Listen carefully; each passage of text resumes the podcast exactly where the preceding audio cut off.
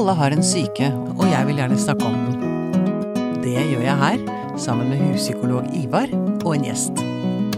Dette er Pia om syke. Episode nummer to, Ivar. Yes. Hvordan syns du det gikk forrige gang? Har du landa? Har du Syns du det var gøy? ja, gøy? flyr uh, lite grann ennå, kanskje. Jeg syns det var veldig fint, altså. Ja. Jeg er veldig glad for å, å kunne ha rasjonelle, åpne samtaler om dette temaet. Sant. Og det at leder av Norsk eh, psykiatrisk forening, Lars Lien, faktisk er åpen, er jo helt, egentlig ganske heftig, Mm. tenker jeg. På, man kunne jo si at det skulle jo egentlig bare mangle også, eh, Ja. når man tenker på eh, det behovet som finnes for behandlingsutvikling på det feltet. Mm. At man ikke avklarer alle lovende spor til det fulle, liksom. Mm. Men likevel, med den frykten og den historien, så er det likevel veldig bra og Sant. godt å høre. Sant. Veldig bra. Um, nå skal vi dykke litt dypere ned i materien. Og da kan vi ønske velkommen til gjesten i dag, Willy Pedersen. Velkommen hit. Tusen takk. Professor i sosiologi og forsker eh, med ungdom og rusbruk som fagområde. Er det en god beskrivelse av deg? Det høres helt fint ut. Ja, det er bra. Og du, eh, jeg har jo egentlig kjent navnet ditt, du har jo så veldig fint etternavn. Um,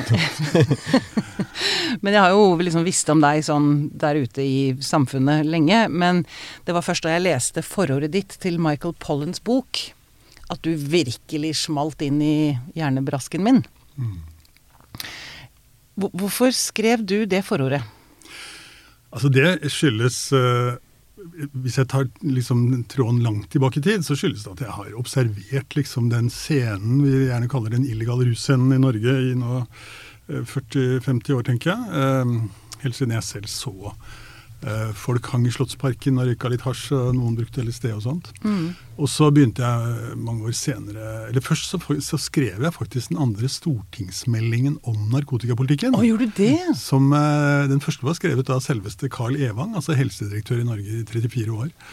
Eh, midt på 70-tallet og midt på 80-tallet så fikk jeg et tilbud nyutdannet fra universitetet om å skrive den eh, andre stortingsmeldingen om narkotikapolitikken. Og den var jo basert på ganske tøff eh, strafferettslig opplegg, og med total avvisning selvfølgelig av sånne stoffer som vi skal snakke om i dag. Da. Men så begynte jeg å forske på disse tingene mange år senere. og eh, har da også gjort en studie av dagens brukere av psykedelika. altså særlig Særlig da eh, psilocybin og LSD, og intervjuet en god del folk. Sånn at jeg har liksom levd med, intervjuet mange av dem, snakket med dem om livene deres og erfaringene. Ja, det har du gjort gjennom mange år, liksom? Ja, nei, altså De siste fire-fem årene Ja, ja. vi gjorde denne studien. eh, Mm. Begynte å publisere for et par år siden. Så, så de har kommet ganske tett på meg. Jeg har blitt veldig interessert i og fascinert, må jeg si, av, av Mm. denne gruppen. Mm. Og det som gjorde kanskje mest inntrykk på meg i ditt forord, det var, det var et veldig fint forord, men det var, jeg husker det var noe som ikke sant, Jeg har jo drevet Pia og psyken eh, i mange år, og jeg som bipolar har valgt, altså og tvangsinnlagt bipolar, har nektet å gå på medisiner. Um, du skrev noe om at det som er fascinerende, er at legemiddelindustrien er så stille eh, når det gjelder dette. For det kan ikke patenteres. Du kan ikke patentere en sopp. og da blir jeg litt sånn altså Legemiddelindustrien syns jeg er så skremmende, da. Nei, det er jo helt tydelig at de har vist liten interesse for dette. og Mm. Om de har eh, sagt noe om det, så er det vel eh, betont usikkerheten, eh, for dårlig kontrollerte studier og sånne ting. Mm. Og det er klart at det er jo veldig vanskelig å ha gode kontrollerte studier når du ikke kan eh, få ressurser og Mm. midler til det. Det er mulig at eh, Ivar og hans eh, gruppe har fått litt penger da etter hvert, men, men det er jo legemiddelindustrien som finansierer veldig mye. Og når ikke de kan legge inn mye penger i det, så er det klart det er vanskelig å forske på det. Ja, ja. Ok, jeg har lyst til å gå litt dypere inn i historien til, eh, til psykedelika. Altså både LSD, som ble oppfunnet ved en tilfeldighet, tror du ikke det? Eh, på 30-tallet, eller hva het han? Hva var den historien? Albert Hoffmann, 1938. Um, han uh, sveitsisk kjemiker. eh, han eh, var mainstream så det holdt. Mm. Eh, og han eh, hadde forska litt, gjort noen dyrestudier på et nytt eh, stoff han hadde lagd. Eh, fant ikke noe interessant, la det i skuffen. Og så fem år seinere, og det var første gangen dette hendte med han, at han tok fram igjen et stoff. For han fikk en sånn rar forutdannelse om at det var et eller annet med akkurat det stoffet, mm. som da viser å være LSD, som kanskje det kunne være noe i. Så fikk han det i seg ved en tilfeldighet. det er den famøse sykkelturen? Ja, så den, den, sykkelturen kom faktisk et par dager etterpå, når han med vilje ville prøve igjen, da. Oh, ja. eh, så han, eh, han intoksik ble intoksikert, da, og skjønte jo veldig lite. Han eh, tror han kanskje kanskje fått gjennom huda første dagen. Så syntes han det var såpass interessant virkning at han prøvde igjen da, eh, to dager etterpå med vilje, og da var da han sykla hjem igjen. Eh, men han fikk seg en, eh, nok en solid dose. Han trengte et glass melk når han kom hjem igjen for å roe, som en sånn motgift mot syra. Men jeg, hvorfor, for det hørte jeg, den dagen ble feira nå nettopp i april, gjorde den ikke det? En eller annen gang? Happy, jeg så det. Happy Bicycle Day. Vi feira verden over med sykkelparade og stor stemning. Men hvorfor var den sykkelturen så heftig? Nei, altså han var i, i laben sin, og han tok jo en veldig veldig liten dose. En dose som han trodde skulle være mindre enn det som var nødvendig for å få en psykoaktiv effekt. Men så mm. viste det seg å bli ganske mye sterkere, så jeg tror ikke han følte seg helt komfortabel med å bli der alene. Så da satte han seg på sykkelen og sykla hjem etter dette glasset med melk, da. veldig gøy. Veldig gøy. Men så eh, Og så skjer det en del på 40-, 50- og 60-tallet av forskning og, og bruk i, i terapeutisk setting. Um, kan ikke dere to fortelle litt mer om det? Dere kan velge selv hvem som skal ta ordet nå. Vær så god. Jeg må si litt, altså, Vi har faktisk skrevet en artikkel om utviklingen, den tidlige utviklingen i Norge. Og da var det jo eh, han som het eh, Gordon Johnsen, som også etablerte På Modum? På Modum, ja. Som mm. etablerte Modum Bads nervesanatorium, som det het. Uh, som da utdannet lege, spesialisering på psykiatri, jobbet på Lovisenberg en stund. Og Eh, ble opptatt av altså Han var i en slags psykodynamisk tradisjon, mm. Eh, men ble opptatt av da muligheten av å bruke, altså intensivere den psykodynamiske terapeutiske prosessen ved hjelp av eh, da særlig LSD. I noen grad også psilocybin. Og sikkert inspirert da fra det som skjedde i resten av verden? Ja, det var jo særlig i USA, men også veldig mye i Tyskland. Han var spesielt inspirert av uh, forskere i Tyskland, altså ja. European psykoanalytische uh, Gesellschaft, tror jeg det var. Ja, og nå er vi på 50-60-tallet? Nå er vi på 50-tallet, mm. og han ø, reiser rundt, deltar i noen av disse organisasjonene og får da gjennomslag for dette på Modum, som han blir direktør for. Mm. Uh, og former veldig mye etter uh, sitt prosjekt da, i, i 61 omtrent. Og da er det i begynnelsen veldig stor entusiasme. Vi har funnet noen arkiver fra Modum hvor både pasientene og de ansatte er eh, strålende spent, entusiastiske. Der stemningen på hele institusjonen er veldig åpen for at her står vi kanskje overfor et slags gjennombrudd mm. når det gjelder nye former for psykoterapi. Mm. Men så Og sånn var det litt over hele verden, har jeg inntrykk av. At det ble forsket, det ble testa, og det var gode resultater og så kom Nixon. Og så, ble det on, så ble det Flower Power, War on Drugs, smack, og så var det slutt over hele linja. Det var nok litt sånn, Det er litt flere nyanser i historien, men hovedlinja er at det kom en type politisk sensur før man hadde avklart det terapeutiske potensialet fullt ut. Mm. Eh, det er klart det var andre ting som kompliserte litt også. Hvorfor ble ikke LSD et godkjent legemiddel allerede på 60-tallet eller 70-tallet? Mm. Og Det er en litt lengre historie der det også handler om altså Først og fremst når motkulturen kom og assosierte seg med dette, så ville ikke Sandoz Pharmaceuticals lenger ha så mye med det å gjøre. Eh, det nevnte vi kanskje ja. sist også. Mm. Men det er også vanskelig med dette dobbeltblinda uh, konseptet. Altså man skal ha dobbeltblinda uh, der ingen veit hva man har fått. Um, om man får studiemedisin eller placebo, altså. Mm.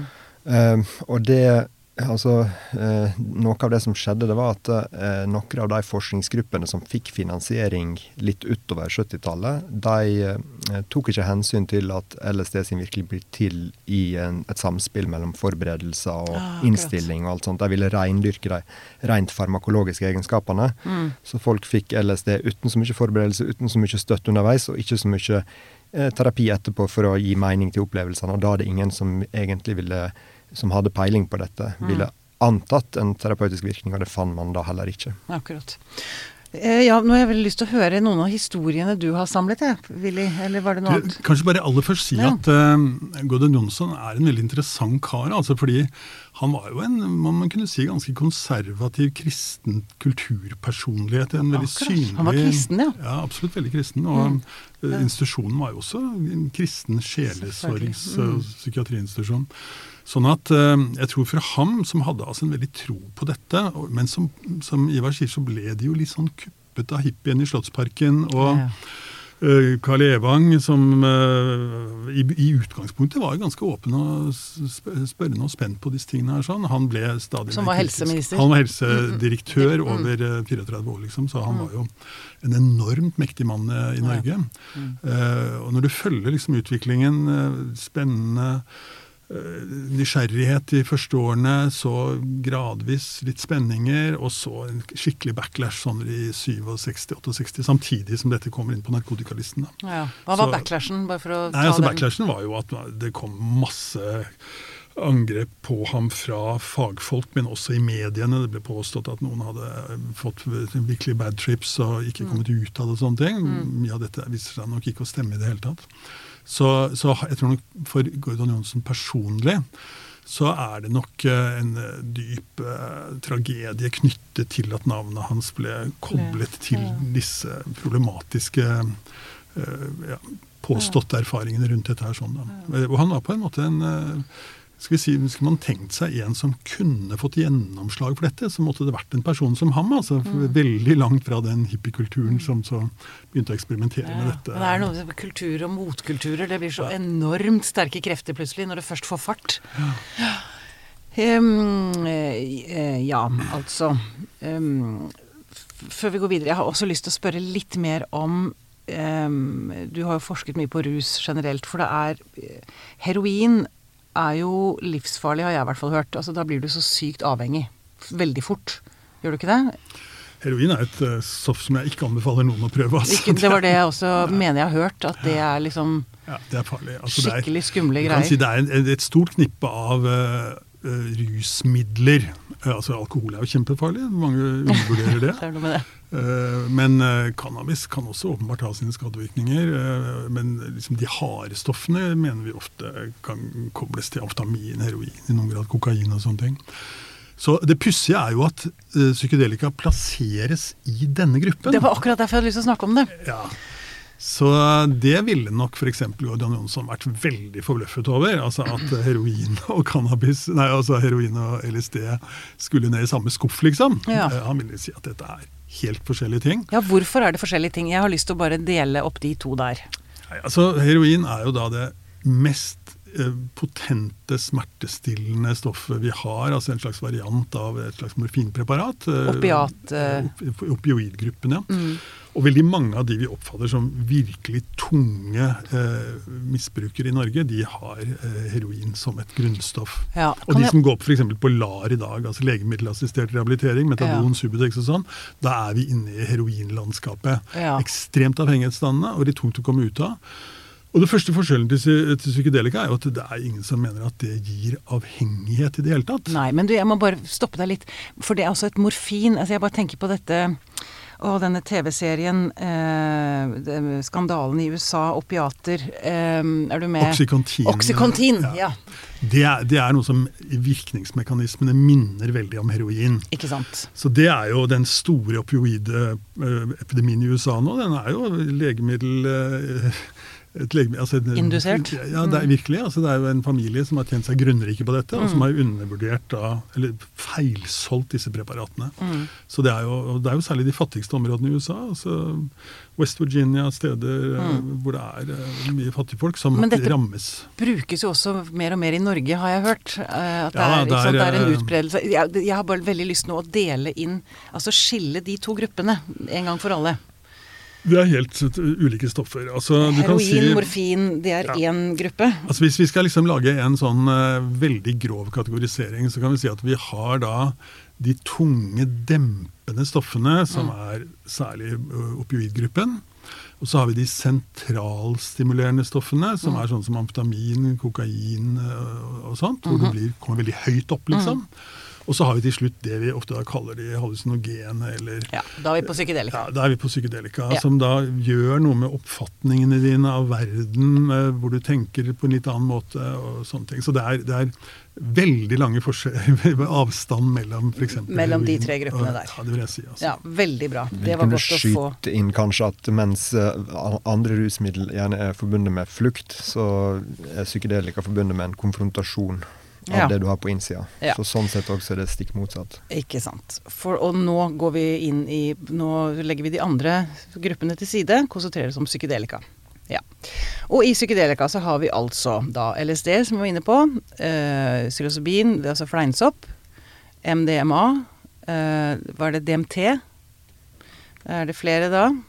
Ja, Er, ayahuasca. er, ayahuasca, selvfølgelig. Men cannabis, er det Altså? Cannabis eh, Man vil ofte si at det har en, en viss sånn hallusinogen eller psykedelisk effekt, men eh, så det, hvis det er noen av de vanlige brukerne av rusmidler som eh, minner om brukerne av psykedelika, så vil jeg si at det er en del av Cannabis. cannabisbrukerne. Ja. Mm. Men eh, det er nok ganske store forskjeller allikevel mellom Ja, ja. cannabis og de, eh, denne gruppen stoffer. Ja, og det, det er også fordi du har jo en stor variasjon innad i den cannabisgruppen. Der eh, noen typer cannabis er mye mer dempende, som er forbundet med det her med å være stoned og sløv og sånt, mens andre er litt mer eh, hallusinogene. Ja, For det er kan forskjell på hasj og marihuana, f.eks.? Eller er jeg på jordet da? Eller Nei. Virkestoffene er, det er mer liksom hvilken del av planten de er hentet av. Men, Ja. Eh, men det, Ivar sier, er det viktig altså noe som heter CBD, er et virkestoff som tar deg ned, og som beroliger deg, og som f.eks. man bruker for å roe ned folk som har uh, multiple sklerose og sånne ting. Ja. Altså en sånn veldig beroligende effekt. Ja. Mens det å bli liksom høy og stein, det er THC, THC som da knyttes til det. Ja, man får latterkramper. Ja, latterkramper, lættis og masse sånne ting. Og det er den effekten mange søker av de som bruker dette som rusmidler. Men vi er ganske langt fra den verdenen vi skal inn i her nå. Altså. Ja, ok. Greit. Så da kan vi, kan vi begynne å høre litt på historiene du har eh, blitt fortalt, eller var det noe annet du ville ta har først? den artikkelen her. Jeg, har- du, jeg har skrevet ut artikkelen, men problemet er at printeren min funka ikke. Ja, ja. Det, er, eh, det, er, det går fint, det. Nei, men jeg husker sånn røftlig. Altså. Men jeg kunne, ikke- jeg kunne jo lest litt av dem. Altså. Men dette klipper du bare bort, selvfølgelig. Nei da, det tror jeg ikke jeg gjør. Oh, nei, okay. nei da, det, vi, her går ting eh, Her går sin skjeve gang. Ja, ja. Det, det er fint. Pass på! Alt skal med. Nei, ja. Poenget er at Jeg har skrevet noen artikler om dette, så jeg trodde kanskje Pia hadde utskrift Ja, men, det. og jeg sa, men her er saken Ivar og jeg lo litt av dette før vi gikk i studio, fordi jeg printet ut både den det engelske og den norske. Du, jeg har den faktisk med meg Ja, selv, gå og hent den. Det er fint. Men vi kan bare fortelle historien da, så lenge. Fordi jeg printa ut, og så skulle kom Ivar inn, og så sa han hva er opplegget ditt i dag? Og så sa jeg nei, det har skjebnen bestemt at det er sånn. Fordi jeg har bare eh, Det er litt tomt for toner i, i skriveren, så bare, det var bare enkelte setninger som var mulig å lese. Så det er de setningene jeg har bitt meg merke i. Det er skjebnen. Vi har latt skjebnen få lov til å, til å styre dette. Skal vi se, Nå skal vi bare få Willy inn her. Lukke døra. Sånn, ja. Det går bra. Det er ikke så lett å ordne den døra der. Fordi det er dette et tidsskrift for samfunnsforskning møter med det hellige bruk av LSD, fleinsopp og andre psykedeliske stoffer. Det er jo så kult også at det er religiøst, dette. At det er hellig. Det er så, det er så rart. Men det stemmer jo kanskje med Gordon. Og Ja, det vil jeg absolutt si. Det er jo en veldig lang tradisjon innen religiøst liv for å søke da det du ofte kaller det mystiske eller det hellige, noe som er større enn deg selv. Og det er noe sånt som veldig mange av disse forteller om. Altså at det, de opplever noe de kaller ofte egodød. Altså at det vanlige jeget ditt forsvinner, og så åpner de seg for et eller annet eh, stort utenfor seg selv. Og nå kan Ivar si litt mer om hva som kan tenkes å være de terapeutiske effektene her, men det er nok det at du på en måte mister det liksom, kontrollsystemet som hele tiden hjelper oss til å holde ting på plass.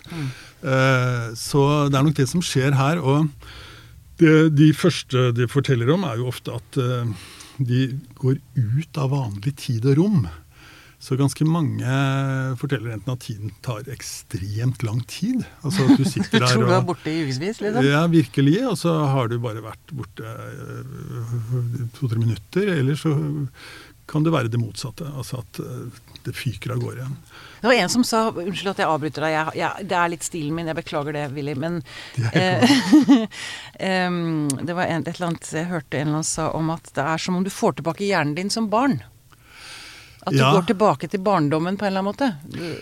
Altså Det er nok helt opplagt en del som opplever det, men noen går også veldig mye lenger tilbake i tid. Altså Noen kan fortelle at de sitter og snakker med en, for, en av forfedrene sine, som kanskje levde for 300 år siden, og som gir deg gode råd, eller til og med at du kommer helt tilbake til det noen opplevde som menneskets skapelsesøyeblikk. Du er på en afrikansk slette, og du ser at noen begynner å danse rundt et bål, og at de plutselig forstår dette med bruk av redskaper og sånne ting.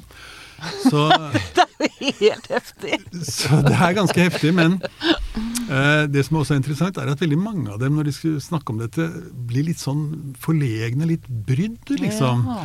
For de kan si sånn Altså, jeg satt jo der på Universitetet i Oslo, tok vi mange av disse intervjuene på mitt kontor og sånn. Du, nå skal du høre her at uh, Men bare spør hva slags folk var det du intervjuet? Var det liksom alle typer mennesker? Altså, det var masse forskjellige folk, eh, men gjennomsnittet var jo at de hadde noe høyere utdanning enn gjennomsnittet. At uh, veldig mange hadde skal vi si, vært litt nysgjerrig på religion eller bestemte litt sånn mer uvanlige musikkformer. Kanskje vært litt sånn eller ja, litt mystisk ja. eh, Litt sånne ting gjennom oppveksten. Kanskje ikke så mange. Det var ingen som liksom hadde vært sjef på russebussen på Handelsgym, for å si det sånn. Altså, de var, de, de, var- de var nok eh, litt sånn nysgjerrige og søkende, veldig mange av dem. Og kanskje oppfattet seg som litt i ytterkant. eh, Og noen hadde også hatt eh, altså problemer med angst, depresjon og Ja, ja. noen få som rusmidler. Men det mange av dem sa, var at eh, du, dette høres kanskje veldig rart ut, altså, men altså, det var faktisk sånn at jeg altså, De var litt sånn forlegne, Ja. fordi det var sånn at jeg faktisk kom over på den andre siden. Det var helt lys, eller jeg skjønte at jeg var utenfor det vanlige systemet vi mennesker befinner oss i. Eller jeg satt og snakket da med liksom, tipptippoldefaren min som døde 50 år før jeg ble født, og han fortalte om uh, hvordan han drev denne gården vi kommer fra oppe i Gudbrandsdalen, eller noen sånne ting.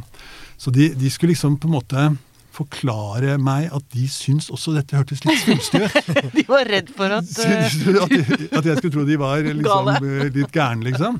Men, eh, men når det var sagt, så begynte de jo da å, å fortelle vil jeg si, om veldig fascinerende og interessante erfaringer. Altså. ja. Helt annerledes. Altså, jeg har intervjuet folk som har gått på heroin, folk som har brukt masse alkohol, folk som har vært eh, opptatt av amfetamin og sånne ting. Det er helt, en helt annen gruppe og helt andre typer erfaringer enn det du har ved tung, vanlig rusbruk, vil jeg si. Altså. Ja. Hmm. Er, du ikke, er du redd for, eller dere redd for altså, eh, Nå forskes det jo på det, og studien i Sykehuset Østfold og sånn, Ivar. Men det er jo nå en slags illegal undergrunnsgreie på gang. Altså, det, er, jo ulovlige stoffer. Altså, de jeg intervjuet, de var eh, Uten unntak så hadde de brukt dette illegalt. Ikke sant? Bortsett fra at noen få av dem hadde vært på ayahuasca-seremonier i Latin-Amerika, eller brukt dette i Nederland, mm. hvor det er sånn delvis eh, tillatt. Coffeeshops-aktige ting. Ja, ja, Mm. ting. Men er dere ikke redd for å sitte her offentlig og liksom selge det? Altså, det du forteller om er jo noe jeg har lyst til å oppleve. Altså, noen har jo spurt meg om det, og det jeg eh, pleier å si til det, er at eh, det er i forskningen nødvendig å prøve å holde seg til en slags sannhet. da. Og når jeg snakker om andre rusmidler, så snakker jeg om de store skadevirkningene. Men det er klart, folk har glede ved å ta seg et glass vin, og det er jo en hovedgrunn til at vi faktisk uh, gjør det. Altså at vi, jeg skrev en bok som het 'Bittersøtt', altså hvor rusmidlene også har søte sider. Og den, den fortellingen ble jo veldig ofte fornektet da Helsedirektoratet i Norge. Så det var liksom en to forskjellige verdener her. Men eh, når du først tar det opp, så vil jeg jo med en gang si at denne gruppen var helt uten unntak opptatt av at dette kunne være ganske skumle stoffer også. Mm. Så de hadde veldig Ingen hadde ment at du skulle få kjøpt dette på Rema og bruke det for deg sjæl liksom, mm. ute i skauen. Altså. Nei, for da, de- da er vi tilbake til det du snakket om, sett og setting, eh, Ivar. Riktig. Altså hvor, hvor, viktig det er å faktisk ha respekt gjennom, for uh, ah, ja, Opp gjennom årtusenene så har man jo funnet ut urfolk som har hatt uh, tilgang på psykedeliske planter og sopper og til jo sett at uh, her man, trenger man en rituell beholder mm. for å liksom maksimere det potensialet som ser ut til å ligge her for liksom åndelige og, og helende effekter, mm. og også for å minimere på en måte risikoer som ligger her for dype forvirringstilstander osv. Ikke sant. Mm.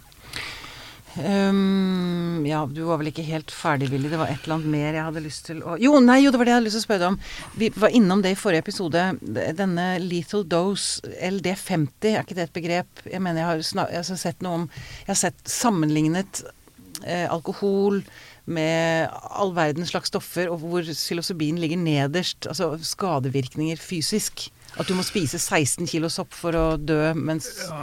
en liter sprit gjør sammen Altså, altså det, det, ble jo laget noen sånne oversikter over hvor farlige er de forskjellige psykoaktive stoffene av en som heter David Nutt, som da er en velkjent sånn rusforsker i Det er han som er i dokumentaren til eh, SVT? Ja. Vitenskapens verd. Ja, nettopp. ja. ja. Mm. Veldig, veldig, profilert og kjent fyr. Mm. Og han plasserte jo alkohol helt opp ved toppen. Og så mm. er det andre stoffer, av de illegale, som ligger helt mot toppen, sånn som uh, metamfetamin, heroin og sånne ting. Mm. Nikotin, sigaretter ligger ganske høyt oppe. -hmm. mens, uh, mens, disse stoffene ligger jo veldig langt nede, altså. Og det er uh, Eh, altså, Den bekymringen mange har hatt for disse stoffene, det har jo ikke med avhengighet eller dødelige doser og sånt å gjøre, men det har jo å gjøre med om du kan få bad trips som da gjør at du får noen skader eh, Blir psykotisk? Ja, psykotisk. At du roter deg bort, at du ikke kommer deg helt på plass og mm. inn igjen. Men eh, det kan kanskje Ivar snakke litt mer om. men du kan si De vi intervjuet, de var veldig opptatt av bad trips. Ja. Men de sa jo at eh, du må på en måte også oppleve noe som mange vil kalle bad trips, for å på en måte få noe effekt av dette. For du må, som Ivar vel antydet sa, du må liksom møte deg selv. Du må møte det som er utfordrende. Mm. De smertepunktene du har i livet. De stedene hvor du kanskje gjør dumme ting. Og kjenne på noen veldig sånn grunnleggende følelser. Og det vil ofte være forbundet med ubehag. Men, sa de fleste, da må du på en måte først vite hva du tar i deg. Altså at du ikke overdoserer. Du må helst ha noen sammen med deg som er trygge og som vet mye om dette. Du må kunne få hjelp hvis uh, du har behov for det. Og, um, sånn at badtrippen den ble på en måte transformert til også å være noe verdifullt og viktig. Fordi mm. den da åpner opp mot noe av det som kan være et grunntema i ditt liv, som kanskje det er viktig å, å møte. da. Ja, at du får deg en på trynet, og det trenger du for å komme deg videre, rett og slett. Et eller annet sånt. Mm. Og her kommer jo dette med forberedelser inn. ikke sant? Når folk ikke er klar over dette, man søker kanskje en høydepunktsopplevelse, og det man får er heller et, et forstør ja, et forstørrelsesglass inn på noe, noen av skyggesidene mm. som du har, som du kanskje ikke helt har integrert eller overskua. Og, og, liksom stoffet kommer liksom og, og, og, lukker litt avgrunnen mellom den du kanskje trodde du var, og den du kanskje faktisk er. Ja. Så kan det bli en liten overdose selvinnsikt og ganske tøft i tida. Men hvis du har det med deg som et mindset fra begynnelsen av, at jeg vil uh, gå i møte med alt som dukker opp, det innholdet i sinnet mitt uh, som ligger der latent, som blir mer manifest, og jeg vil ta imot både de gode tingene som måtte uh, vise seg, og de utfordrende forstår jeg, vet jeg, at det er ting som kommer opp som en, som en oppgave for meg. Ja, ja, og hvis, tenker på, hvis man slåss med angst og depresjon, uh, så er det jo åpenbart for meg i hvert fall at da ligger det noe veldig vondt i bunnen der. Som da plutselig kan komme til overflaten, da, hvis jeg leser dere forstår dere rett. At det plutselig kommer på overflaten under en tripp, og da får man kanskje møte overgriperen sin, eller ja, jeg vet ikke hva folk Altså alt folk kan ha opplevd gjennom livet, liksom. Da kommer det til overflaten. Eksakt. Mm. Så det er jo litt sånn, og Hvis man da begynner å prøve å rømme fra dette, det er jo ofte da det rømningsforsøket ender i en bad trip. Så ah, i, nå skjønner jeg. Rømningsforsøket, det er flukten som ikke funker. I, mm, nettopp. Og en av de vanlige måtene er jo at når det begynner å komme opp et eller annet veldig skummelt i deg sjøl, så er det jo en av de forsvarsmekanismene vi har, er jo å legge det på utsida. Og at man kan gå over i å bli redd for hva som skjer på utsida. Legge det på utsiden, det må du forklare. Eh, jo, altså at istedenfor at nå blir jeg redd for et eller annet som nærmer seg inni meg, så blir jeg redd fordi det kanskje kan komme noen fra utsida og ta meg og dømme meg. Istedenfor at dine egne selvdømmende sider kommer opp, så projiserer du dømminga over og blir redd for at straffen skal komme fra utsida. Og da er det så har vi inne i paranoiaen, liksom. Nettopp. Det er Ja. paranoiaen. ja. Så det er den Ja. projektive forsvaret som blir til para paranoia. Altså jeg kan si at det som var ganske slående For spørsmålet er om du, om du på en måte bare tar ut noe fra innsiden av deg selv, eller om det er også noe fra verden der ute. Altså Hvis Ja. du får en sånn paranoia som Ivar beskriver, er det da noe som har å gjøre med også med vårt samfunn, måten vi lever på og sånne ting? Ja. Og der vil jeg si at uh, det mystiske som er beskrevet i ganske mange andre studier, altså at du møter, og åpner deg for dette hellige.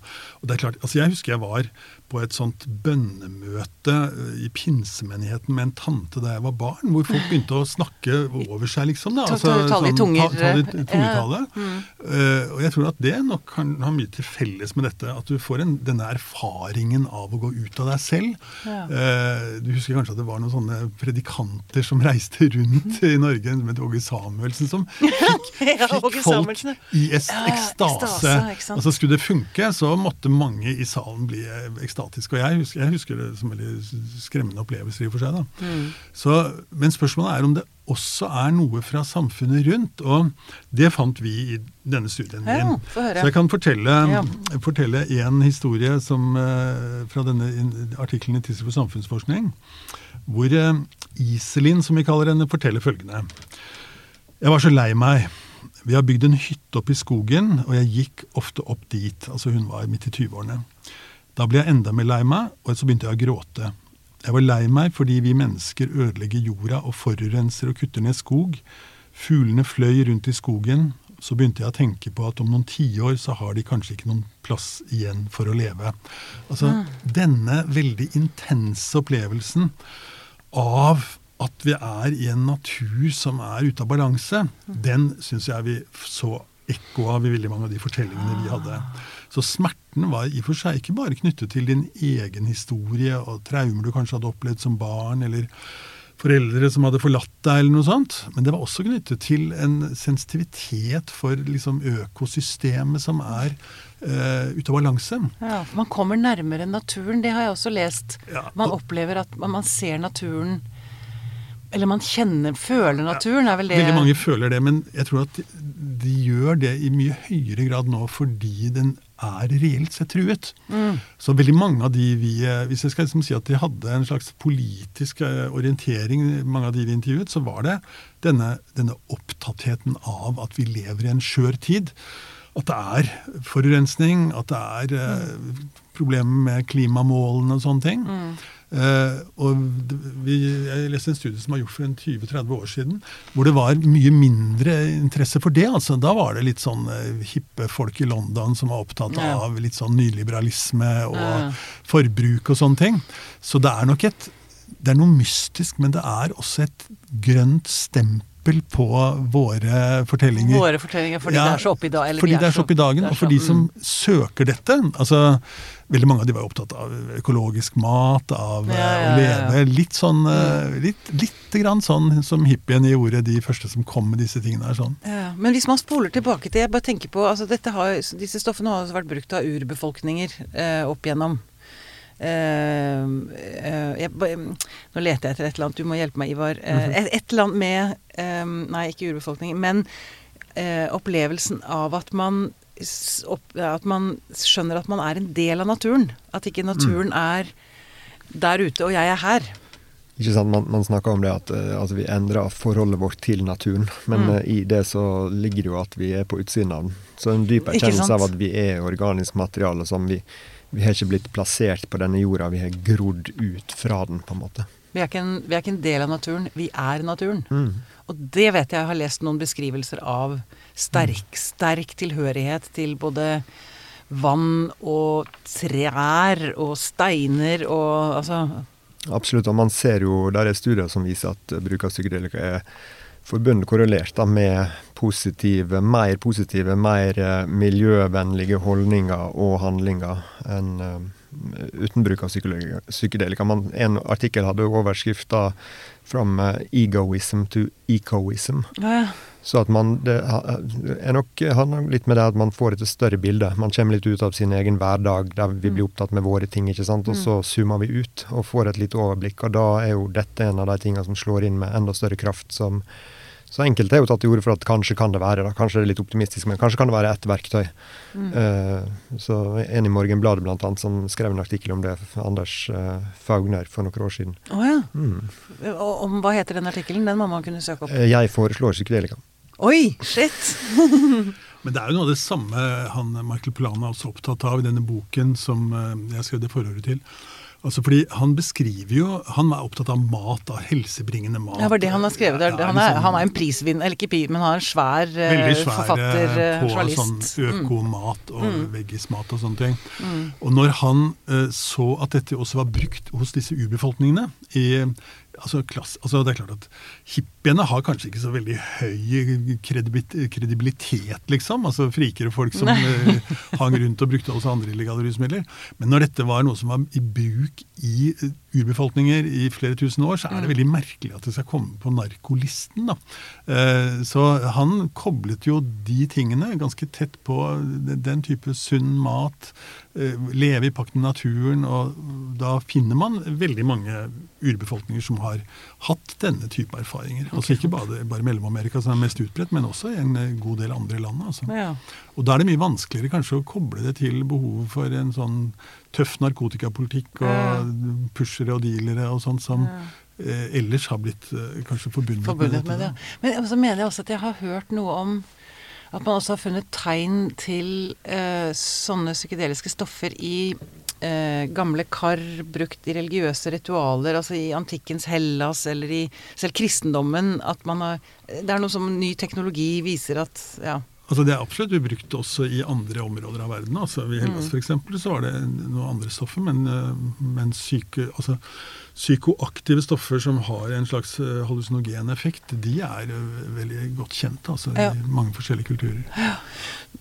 Vi, vi, skal ikke avslutte riktig ennå, men nå sitter jeg og passer på klokka, for du skal være et annet sted om ikke så altfor lenge, Willy. Um, bare så dere vet hva tids, tidsaspektet er her. Um, jeg har også lyst til å nevne at vi også senere i denne serien har, skal ha en tripsitter. For det har jeg lyst til å snakke litt mer om det illegale. Altså om dere vil anbefale dette til folk. Og altså, ja. Um, for det finnes jo trippsittere, altså som man kan betale for å sitte der hos deg mens du tar MDMA eller uh, mm. hva heter det, psilocybin. Mm. Ja. Um, hva slags tanker har dere rundt det med at det er illegalt? Jeg har lyst til, altså, Rusreformen Jeg har bare lyst til å snakke litt rundt dette nå mot slutten.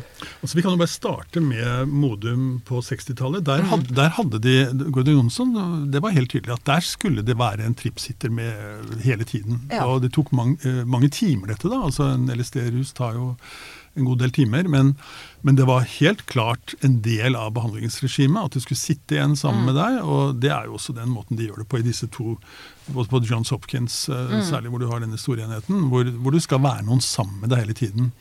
Så, og det som Ivar pekte på, så var jo problemet at du skjønner det, hva, du, hva, du, får. altså Hvis du får denne, denne sterke erfaringen med LSD, og det sitter en tripsitter der Du nytter ikke på en måte å lage et randomisert forslag hvor noen da ikke får dette. da.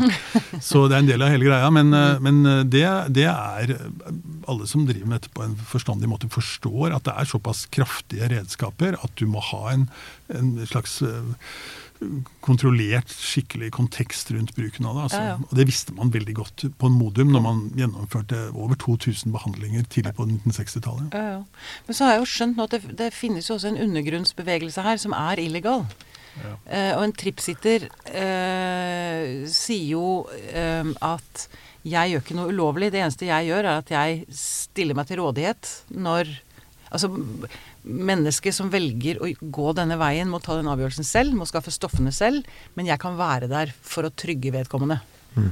Hva, Få høre hva dere tenker om altså, det. Der. Eh, det kan jeg ha lyst til å si litt om. fordi eh, sånn, Jeg representerer jo først og fremst ikke sant, eh, ansatt på Sykehuset Østfold. Og vi er jo opptatt av å få en vitenskapelig avklaring på det terapeutiske potensialet. Mm. slik at, Og den debatten om rusreform og politikk, den har egentlig ikke vi noen mening i. Det er to helt forskjellige debatter. Ja. Og når det gjelder dette med eh, undergrunnsterapi og ulovlig virksomhet, så er det ikke noe vi kan anbefale i det hele tatt. Og det som kan være litt skummelt der, det er at eh, man i undergrunnen kan bruke liksom de funnene man har, vitenskapelige funn fra studiesteder og sånt, der er tross alt en, en, ganske mye mer profesjonell setting. Mm. Så man har absolutt ingen garantier for at man vil kunne få lignende terapeutiske effekter Nettopp. i en annen setting. For det er litt skummelt? Ja, det er det. Så man veit aldri helt. Liksom, det er ikke regulert, og man kan være i en litt sårbar tilstand. Uh, så man er veldig avhengig av de gode intensjonene til sitteren og kvalifikasjonene som den sitteren måtte ha. Der, der er det nok sikkert folk over hele fjøla.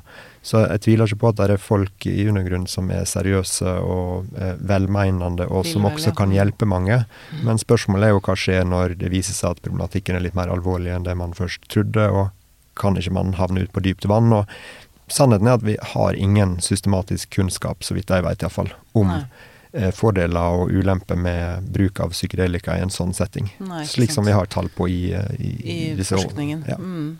Hva tenker du da, Willy? Nei, er helt enig. Så jeg anbefaler mange som har spurt meg liksom, vil jeg anbefale folk å prøve dette, bruke det. Uh, så da er jeg også veldig tilbakeholdende med det. altså. Det, det, er klart, som Ivar sier, det er jo helt åpenbart en del folk som har store problemer, og som kan, hvor dette kan sette i gang prosesser hvor de ikke har uh, Apparat rundt seg til å takle ja, dette ja, nettopp, på? Eller? De kan, de kan bli dratt inn i situasjoner som de blir veldig redde av og mm. sånne ting. Så, men det vi ser, er jo at det er, altså det er en sånn undergrunn i Norge. Og det er eh, en gruppe som de vi har fått tak i, er nok folk som helt klart har en tendens til å være positive til dette. Da. Så vi vet jo mm. ikke hvor mange av de som prøver dette, som har enten likegyldige eller veldig negative erfaringer. Men det er en stor gruppe, som da, og som blir større helt opplagt, som da eh, prøver dette, og hvor veldig mange har positiv erfaring med det. Ja, okay. og, det, og, det, og, det, er på en måte også noe vi må forholde oss til. Altså, altså, vi må jo på en måte Det er der. Det, det er der, det, er jo det vi prøver å beskrive. Kan ikke late som det ikke er det. Jeg bare tenker på Anna Høyfett, hun som er, hun er vel leder av Norsk psykedelisk vitenskap, eller hva det heter. Ja. Eh, hun er vel sosialantropolog, er hun ikke det? Og har, hun har Jeg bare leste en utrolig fin, et intervju med henne i jeg tror det var i Lik Oslo. Um, hvor hun fortalte om at hun har vært med på en gjeng, jeg tror det var en gjeng i Holmenkollen, som møttes en gang i halvåret eller noe sånt og tok LSD. Hvor hun fikk lov til å være med og beskrive og snakke med dem. Altså sånn, ja. Mm. Hun skrev masteravhandlingen sin ja, om sant, dette. Veldig, sant, veldig interessant masteravhandling. Altså. Ja. ja. Nei, altså de, de, jeg har snakket med, de er jo mye av den typen. Og veldig mange av dem har høy utdanning, de fungerer bra. Og det er jo en liten sånn subgruppe her som driver også med veldig lavdosert bruk. Altså, og det er litt som mer folk som er litt sånn i high-tech-miljøer. Altså. Ja, det har jeg også lest om, ja. Mikrodosering. Mikrodosering, ja. Og ja. de er jo ofte inspirert av noen av disse guruene i uh, California, fra Silicon ja. Valley og sånt. Da, som veldig mange av de har prøvd å bruke dette. Da, så... Og det er klart det er også ganske mange fortellinger som uh, man skal ta kanskje med en klype salt, om hvor livsomveltende dette har vært, og hvor ja positivt det er og sånn, så, så, jeg er veldig forsiktig med å gå ut og si har du noen problemer, så bare prøv dette. Sånn. Ja, vet kanskje litt mer om hva det syns å virke best for, men, men, mitt inntrykk er at det er en del som har hatt alvorlige rusproblemer, hvor det har kanskje virket bra. Det tror jeg nok også de mente på Modum. Og dype tvangsnevroser, og kanskje da tunge depresjoner. Det er kanskje der det ja. Og folk som f.eks. også har opplevd veldig panikk fordi de har en alvorlig kreftlidelse og vet at de kommer til å dø av det, hvor de lettere kan kanskje forsone seg med verden. Og da kan... er det jo ikke noe å vente på. Altså, hvis du skal dø av kreft, så er det vel bare å måke på. Ja, men da har man jo ingenting å tape, kanskje. Livredd de siste månedene, så er jo kanskje ikke det så veldig smart. Men, okay. men du vet kanskje mer enn meg Ivar, om hva, hva ja, de vanlige indikasjonene regnes å ja, altså, man, altså, det, altså, Når det gjelder status på forskninga, så er den fortsatt i sin spede begynnelse, egentlig. Det er masse indikasjoner med liksom, studier med litt dårligere kvalitet fra 50- og 60-tallet. I den moderne æraen så er det jo en del studier med ganske god kvalitet. Eh, men de er små, og de er få. Men det går på dette med angst, depresjon ved livstruende sykdom, depressive lidelser og avhengighet særlig.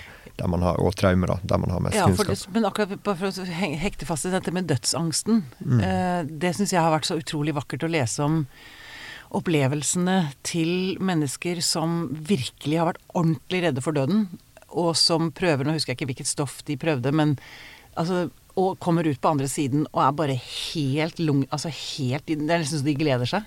Mm. Det er akkurat dette med å forsone seg med verdens tilstand og med seg selv, og med at vi er endelige og at vi er del kanskje av et større kretsløp. Det er veldig mange sånne fortellinger mm. vi fikk høre. Og at døden er en del av livet, på en måte. Mm. Og det, det er jo ofte at vi ikke tenker på den måten selv. da. Men øh, jeg kan bare lese en annen øh, her sånn som forteller Altså, mange føler at de er et ett med plantene. Uh, de er del av livet. Og det er klart at da vet de også, hvis du er del av livet, så vet du at livet er en, sånn, en syklus. Mm. Ikke noe liv er evig.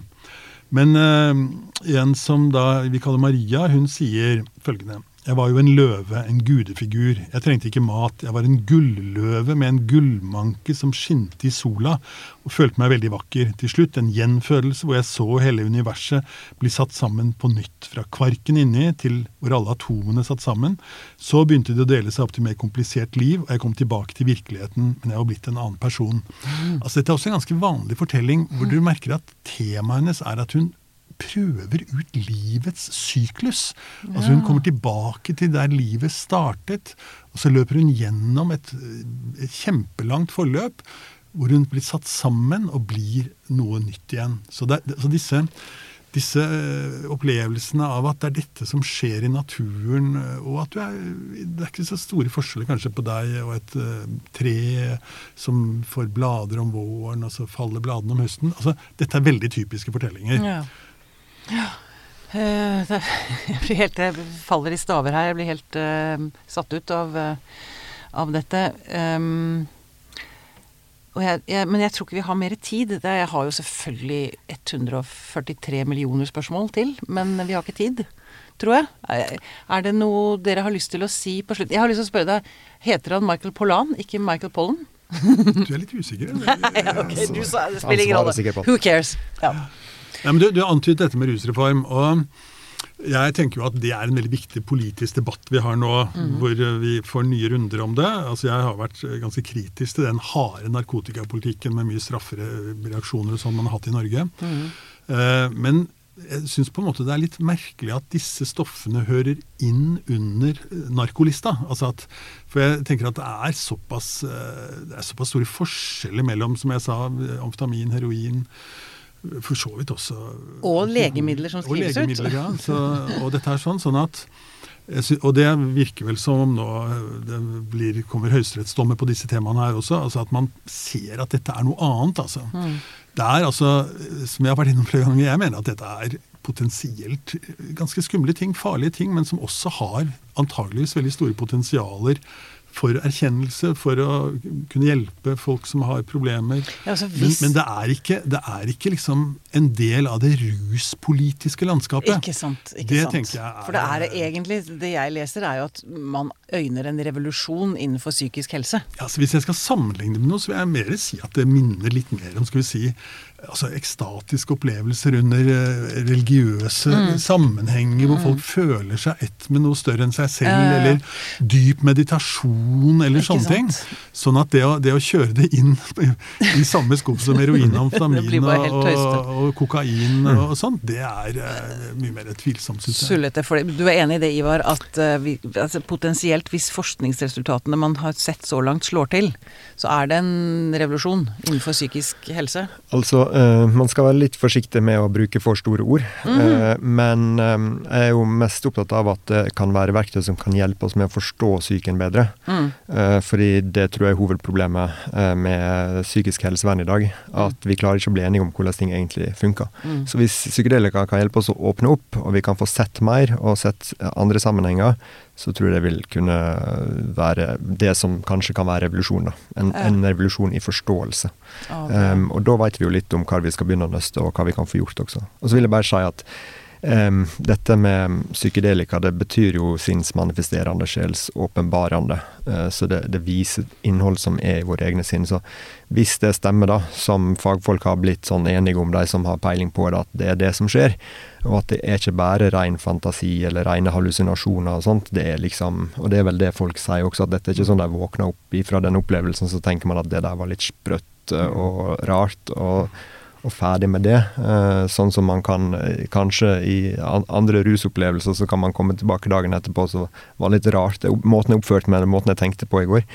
Eh, jeg var kanskje ikke så glad i alle de som jeg sa jeg var så glad i i mm. fylla liksom på mm. lørdagskvelden. Men, men, her virker det som at folk sa at nei, men jeg kom i kontakt, der var det et eller annet. Det var et eller annet der jeg kom i kontakt med. Som faktisk forandrer livet litt. Så, så, hvis det er sånn, da, så er det liksom sånn måten vi forholder oss til psykedelika, da vil jo da være liksom måten vi forholder oss til innholdet i våre egne sinn. Mm. Um, så det kan være noe å tenke på.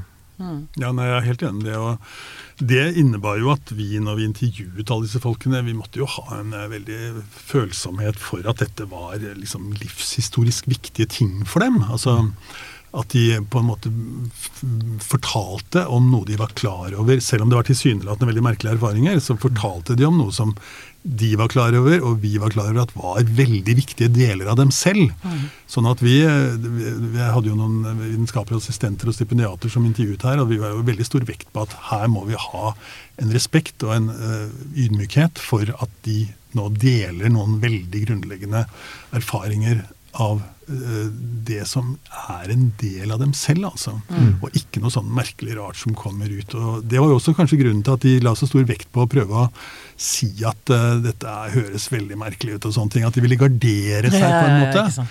Så, men, men, alle var klar over at dette er ikke noe som kommer altså På samme måte som en drøm. altså Det er jo en del av oss selv hvis ja, du drømmer, liksom. Altså, det var veldig merkelig, men som Freud pekte på, så er jo dette manifestasjoner veldig ofte av, av viktige temaer i ditt eget liv. Da. Du, nå må jeg rett og slett palme deg ut, Willy, fordi du, hvis ikke så rekker du ikke møtet Nei, nettopp. Men veldig fint å ha deg Hva sa du for noe, Ivar? Det er til ditt eget beste. Ja, det er ditt eget beste. Tusen takk for at du kom til oss. Ja. Fantastisk. Ha det bra.